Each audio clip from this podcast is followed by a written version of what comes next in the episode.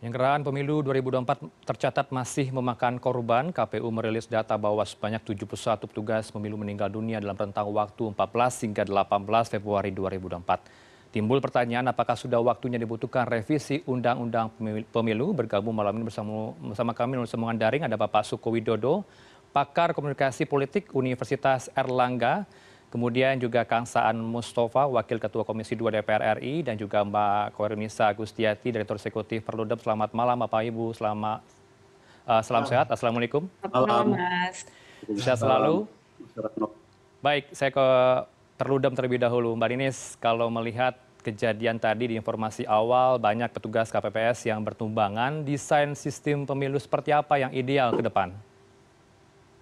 Ya, memang kita perlu mengevaluasi kembali ya hmm. uh, model keserentakan pemilu kita karena uh, pilihan sistem, pilihan keserentakan itu hmm. akan ada implikasinya dengan tata kelola, dengan manajemen pemilunya. Hmm. Kita uh, pertama kali sebetulnya pemilu serentak kan 2019 ya. ya. Saya masih ingat pasca pemilu 2019 itu ada keinginan untuk merevisi undang-undang pemilu. Hmm. Uh, Kang Saan waktu itu ya di Komisi 2 juga sudah membahasnya di balik di Komisi 2. Tapi kemudian karena COVID, uh, pemerintah memutuskan untuk uh, ini tidak perlu direvisi. Nah, padahal uh, di 2019 itu kita juga sudah uh, mengalami kompleksitas yang luar biasa dengan keserentakan model yang lima kotak ini gitu. Mm -hmm. Ini bukan hanya dialami oleh petugas tadi ya yang misalnya ditandai dengan banyaknya petugas yang kelelahan karena memang uh, apa ya menghitungnya menjadi sangat lama dan yang merasakan betul kan adalah sebetulnya petugas yang ada di level TPS, petugas KPPS. Mm-hmm. Nah, kompleksitas ini ternyata juga dialami oleh pemilih termasuk juga peserta pemilu. 2024 karena undang-undangnya tidak direvisi uh, sama gitu ya modelnya dan kemudian ya tadi uh, TPS itu ada yang selesainya dini hari gitu ya, ada yang keesokan harinya. Hmm. Jadi memang kita perlu memikirkan kembali gitu ya desain keserentakan pemilunya seperti apa. Nah, berdasarkan putusan Mahkamah Konstitusi nomor 55 tahun 2019 hmm. sebetulnya yang dikunci MK itu kan uh, ini apa pilpres, pemilu DPR, pemilu DPD harus pada satu hari yang sama. Okay. Tapi variannya kemudian itu diserahkan kepada pembentuk undang-undang. Hmm. Jadi harapannya ketika nanti DPR yang barunya sudah dilantik gitu ya, termasuk juga pemerintahannya juga sudah uh, terbentuk, uh, revisi undang-undang pemilu ini menjadi prioritas gitu ya untuk uh, direview kembali karena harapannya juga apa ya melakukan revisi ini kita ingin waktunya lebih panjang gitu ya. Jadi diharapkan nanti start Oktober ya kan nanti eh, pelantikan di Oktober sudah ada uh, prioritas-prioritas apa saja gitu ya khususnya terkait dengan undang-undang pemilu ini Mas. Uh, baik, kalau maju mundur revisi tersebut, apa yang menjadi kendala di lapangan, uh, Mbak Ninis? Apa yang membuat deadlock sehingga revisi tidak dilakukan sejak tahun 2019? Iya, uh, pada waktu itu sebetulnya sudah dibahas ya di Komisi 2 saya ingat dan hmm uh, sudah ada pilihan-pilihan gitu ya, misalnya okay. memisahkan antara pemilu nasional dengan hmm. pemilu daerah, uh, modelnya mau seperti apa gitu ya, karena kan tadi MK yang hanya dikatakan MK harus serentak itu adalah uh, Pilpres, DPR sama DPD-nya. Hmm. Variannya itu uh, diserahkan kepada pembentuk undang-undang. Nah, itu juga sudah sempat dibahas sebetulnya, tapi karena situasinya pada waktu itu Covid 2020 sehingga hmm. pemerintah pada waktu itu okay. memutuskan nggak jadi direvisi undang-undang pemilunya. Baik, eh, tanggapan Anda Pak Suko dengan statement tadi Mbak Ninis, silakan ada yang perlu ditanggapi soal ini sebenarnya sudah ada pengajuan revisi Undang-Undang Pemilu di DPR. Ya, apa hmm. yang disampaikan Mbak Ninis saya kira pertama bahwa kompleksitasnya luar biasa, bukan hanya penyelenggara malah Mbak Ninis, okay. menurut saya anggota dan masyarakat sendiri tingkat kompleksitasnya.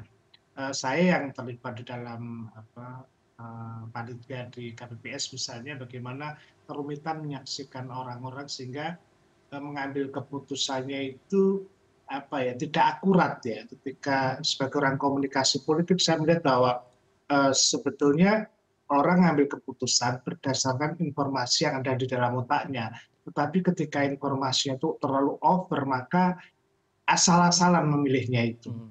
memilihnya itu sehingga kita ketika asal-asalan kita tidak mendapatkan uh, apa, kandidat yang berkualitas gitu. Jadi hmm. orang misalnya ya dalam konteks DPD relatif uh, mereka bingung siapa yang dilakukan. Kecuali orang terkenal seperti Mas Komeng itu anomali ya dan dan itu ada ada dan bis yang melakukan. Tapi menurut saya bahwa memang harus ada pemisahan ya uh, uh, uh, merujuk dari pikiran Mbak ini saya, saya kira yang wajib itu kan bersama itu kan pilpres uh, pilihan DPRD RI, eh, DPR RI dan DPD. Artinya kita bisa memisahkan dengan misalnya misalnya pilkada ya. dan DPRD Jawa provinsi maupun kabupaten kota itu kan bisa disendirikan. Jadi bisa dilakukan pemisahan itu.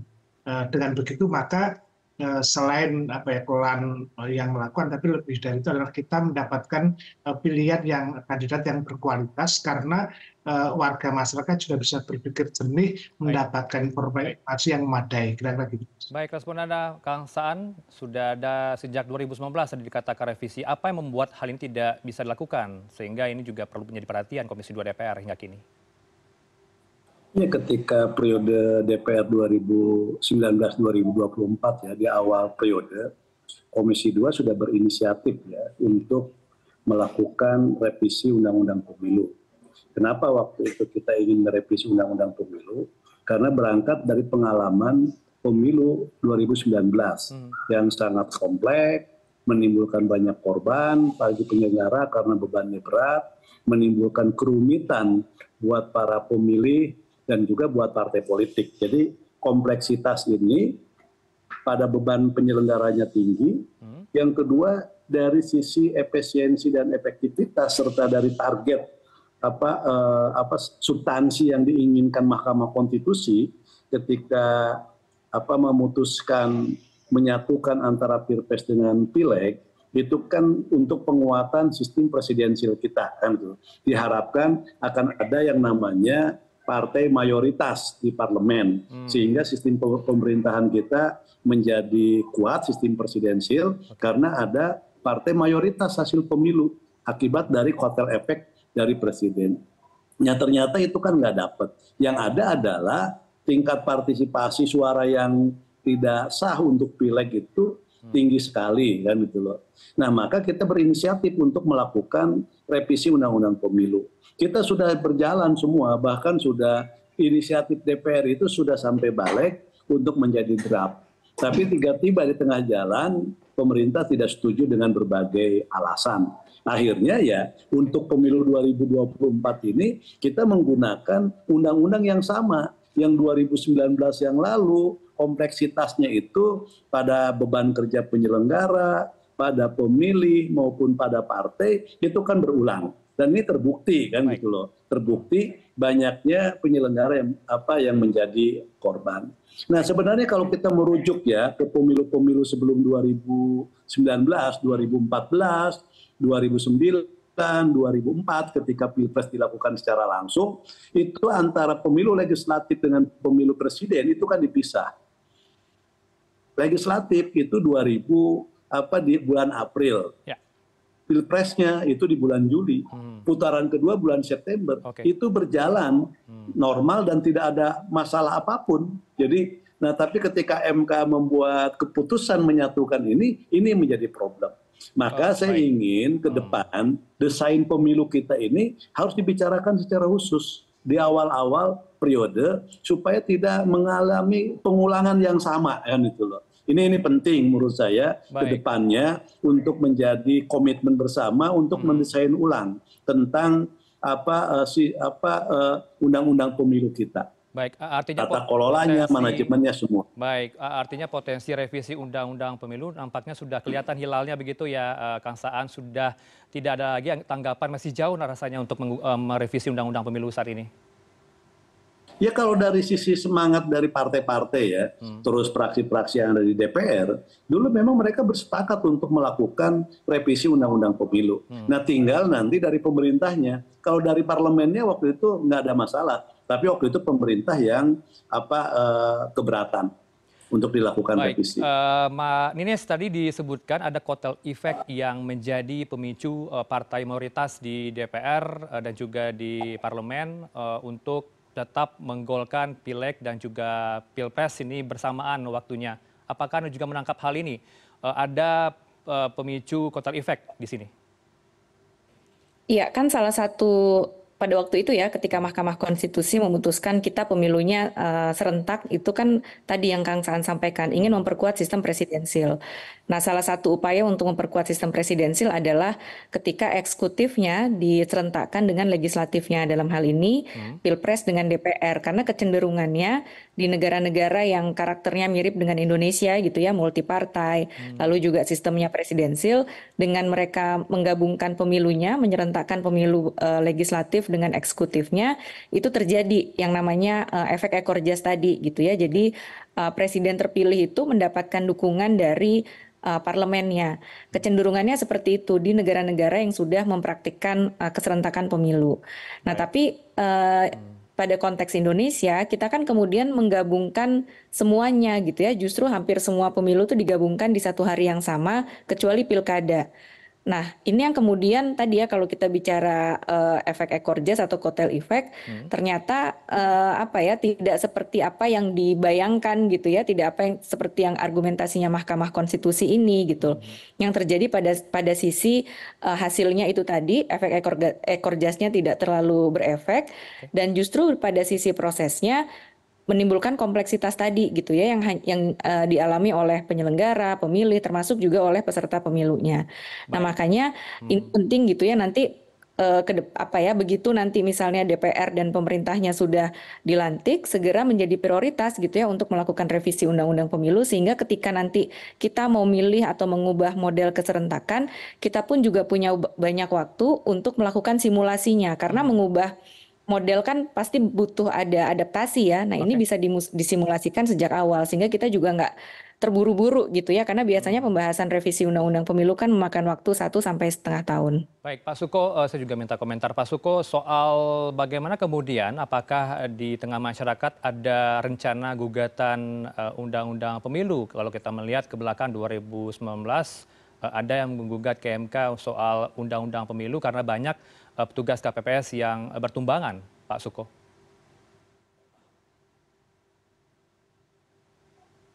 Sebenarnya kita waktu itu sama Effendi Ghazali ya, okay. kami dalam satu kesatuan juga menggugat, uh, ya Mbak Nisa mungkin tahu persis ya, sama yang kemudian perlu tentu kan punya kajian-kajian yang menarik ya, dan jadi Kang Saan kan dengan jelas sudah punya rancangan seperti itu. Hmm. Kalau saya melihatnya uh, dari apa ya, dari sisi Eh, kualitas apa ya kualitas uh, hasil yang dihasilkan dari pemilu itu sendiri. Hmm. Nyatanya kan sekarang juga menghasilkan apa ya kalau saya punya riset misalnya pada anak muda khususnya yang dianggap prospek untuk pemilu itu pun juga mengalami hal yang sama sekalipun mereka katanya melek internet tapi kalau sudah dengan apa ya jumlah yang sekian itu mereka susah untuk mengambil keputusan tepat apalagi hmm. misalnya eh, apa ya ketika pilpres kemudian dia harus memikirkan calegnya ya, hmm. memikirkan dapilnya sendiri, maka ya nggak nggak nyambung. Jadi ekor jas yang disampaikan seperti yang dicatat oleh Mbak Anissa terbukti betul. Jadi nggak ada apa ya kok relasi terhadap uh, dukungan itu karena itu hmm. memang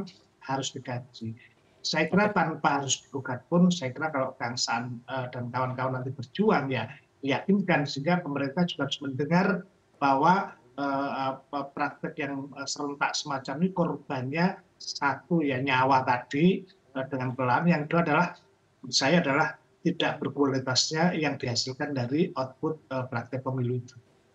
Baik, uh, Kang Saan uh, bisa digambarkan nanti seperti apa desain pemilu berikutnya. Kalaulah tadi Anda katakan akan berbicara khusus dengan pihak-pihak terkait soal desain pemilu yang terbaik nanti ke depan bagaimana nanti sistem pemilunya? Apakah nanti ada diatur uh, pemilu nasional dan juga pemilu lokal?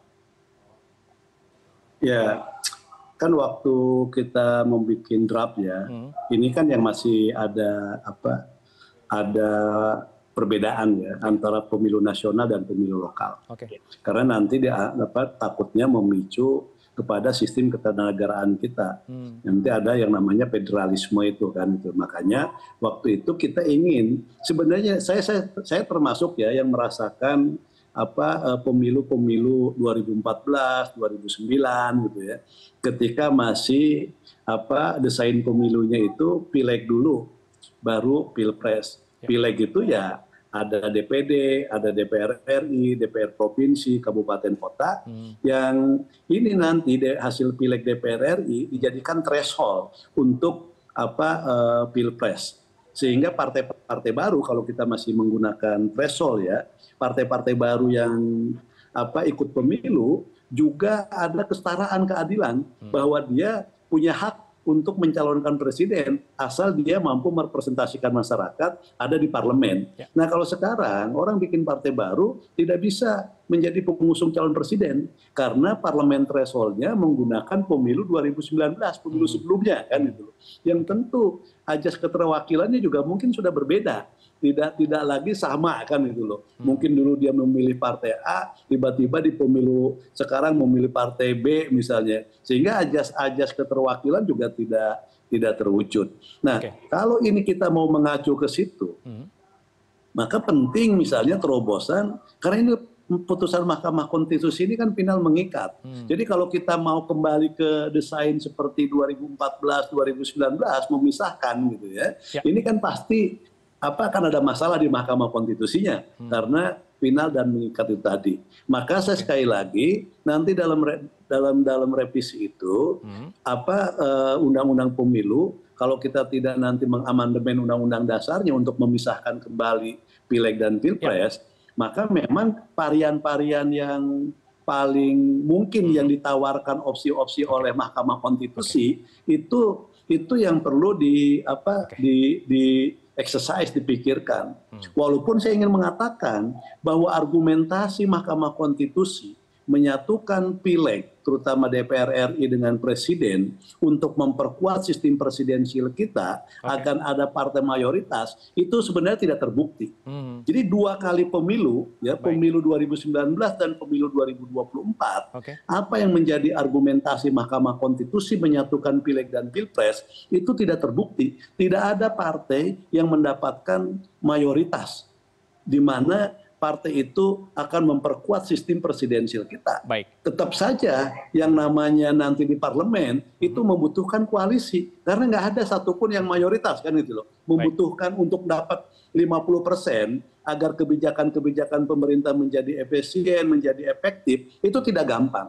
Anggap dia sekarang lah misalnya. Mm -hmm. Kalau yang sekarang nih presiden terpilih nih siapa pun nanti, anggaplah indikasinya hasil quick count misalnya okay. 02 berapa dia ketika dijumlahkan kekuatan parlemennya mungkin apa tidak tidak tidak mayoritas juga hmm. kan gitu loh kan gitu loh okay. sama dengan apa uh, eh, 2019 jadi menurut saya memang ya. apa uh, mendesain agar pemilu kita berkualitas tidak menimbulkan korban rakyat juga apa mendapatkan kemudahan untuk menyalurkan aspirasinya lewat pilihannya memang sekali lagi mendesain tentang apa pemilu kita itu menjadi penting Baik. dari tata kelolanya dari okay. semua aspek lah yang kita bicara. Oke. Okay. Baik, untuk closing statement ke Kang Saan, Mbak Ninis, dan juga Pak Suko, saya mau ke Kang Saan terlebih dahulu. Dari skala 1 sampai dengan 10, sepe, seberapa urgensinya revisi Undang-Undang Pemilu dilakukan? Kang Saan. Ya, saya saya sih 10 sangat urgen untuk dilakukan karena sudah dua kali pemilu okay. itu sudah kita uji coba sudah kita lakukan dua kali pemilu menimbulkan korban. Pemilu kita juga sekarang terlihat banyak persoalan kan gitu kan jadi apa yang ada dalam argumentasi Mahkamah Konstitusi itu jauh dengan uh, realitasnya itu pertama. Jadi Baik saya termasuk yang mendukung untuk dilakukan revisi. Hmm. Yang kedua tentu saya juga dalam kesempatan ini menyampaikan bela sungkawa untuk para penyelenggara, petugas yang pemilu yang apa menjadi korban atau meninggal dunia. Ya, kita semua ber berempati dengan kasus tersebut, Kang Saan. Uh, kemudian Mbak Ninis, bagaimana tadi disebutkan akan uh, 10 angkanya untuk revisi Undang-Undang Pemilu. Akankah masuk angin atau tidak nanti ya di DPR? Ya, uh, semoga tidak ya, karena memang saya rasa sebenarnya bukan cuma soal keserentakannya aja. Hmm. Karena tadi memilih desain keserentakan, memilih sistem pemilu seperti apa, itu akan ada implikasinya dengan tata kelolanya, dengan manajemennya gitu. Yang ini biasanya nih terputus gitu ya karena biasanya kan perdebatan yang sangat sengit itu bicara soal sistemnya, soal keserentakannya. Hmm. Tapi kemudian terlupa kita bicara soal manajemennya, kita terlupa bicara soal penegakan hukumnya, ya. termasuk termasuk juga bicara soal aktor-aktor pemilunya. Hmm. Jadi memang menurut saya uh, perlu apa ya? Perlu total gitu ya kita mereview total lah undang-undang pemilu kita ini uh, melihat gitu ya sebetulnya kan tadi berangkatnya tuh sebenarnya begini, kita tujuan kita berpemilu nih apa? Lalu undang-undang pemilu ini kan menjadi instrumen kita dalam rangka uh, menuju tujuan pemilu ini tadi gitu. Baik. Jadi ke depan harapannya ya tadi ya uh, apa bisa dirumuskan dari tujuannya kita mau ke mana gitu ya. Okay. Nah undang-undang pemilunya ini nih pasal-pasal itu yang merupakan instrumennya dengan catatan hmm. harus dilakukan secara lebih awal sehingga kalau mau ada perubahan kita siap dengan simulasi-simulasinya lalu mempertimbangkan juga teknisnya gitu ya penyelenggara pemilunya juga jangan sampai beban kerjanya hmm. uh, luar biasa dan juga mempertimbangkan peserta termasuk juga dengan pemilihnya bagaimana justru uh, pilihan sistem pilihan keserentakan ini bisa mendorong pemilih menjadi pemilih yang lebih apa ya lebih berdaya gitu okay. ya dalam memberikan hak-hak politiknya. Ya, Pak Suko kalau melihat hasil real count kemudian quick count untuk pileg nampaknya pemain lama masih bertahan di parlemen, partai-partai lama masih uh, duduk di parlemen. Anda uh, melihatnya seberapa optimis revisi undang-undang pemilu akan dilakukan? Iya, tentu saja saya berharap sekali ya sama dengan Kang Saan ya terutama bahwa singkat saja Pak. Kalau ada hmm. ya maksimal uh, kalau ada maksimal 100 saya juga ikut 100 pokoknya yang paling top lah harus ada sama Mbak Nisa ada revolusi total terhadap eh, undang-undang uh, ini karena kalau saya sebagai orang komunikasi politik melihatnya ya tadi bagaimana orang mengambil keputusan dalam tempo yang pendek hmm. uh, bahkan dikasih lama pun tidak bisa pilihannya itu apa ya uh, apa ya nggak bisa valid gitu. Jadi dia ngawur aja. Nah itu kan hasilnya juga ngawur juga asal-asalan. Ya. karena itu saya kira revol apa uh, uh, apa ya uh, perubahan undang-undang ini harus disegerakan dan kita berharap bahwa parlemen yang ada juga memikirkan uh, efek yang terjadi di masyarakat saat ini. Orang menjadi bingung uh, karena over apa ya informasi over tarik menarik dan saling apa ya perselisihannya cukup tinggi dengan sebanyak pilihan-pilihan orang menjadi bingung intinya itu Baik, ya betul sekali Pak Suko karena nyawa itu tidak bisa dibayar oleh sebuah pesta demokrasi. Sepakat begitu ya. Terima kasih untuk waktunya bersama kami di Prime News pada malam ini. Ada Pak Suko Widodo, pakar komunikasi politik Universitas Erlangga, kemudian San Mustafa, Wakil Ketua Komisi 2 DPR RI, dan juga Mbak Koirunisa Agustiati, Direktur Eksekutif Perludem. Selamat malam Bapak Ibu, selamat sehat. Assalamualaikum. Selamat malam. Selamat. Terima kasih Mas Suko, Mbak Ninis.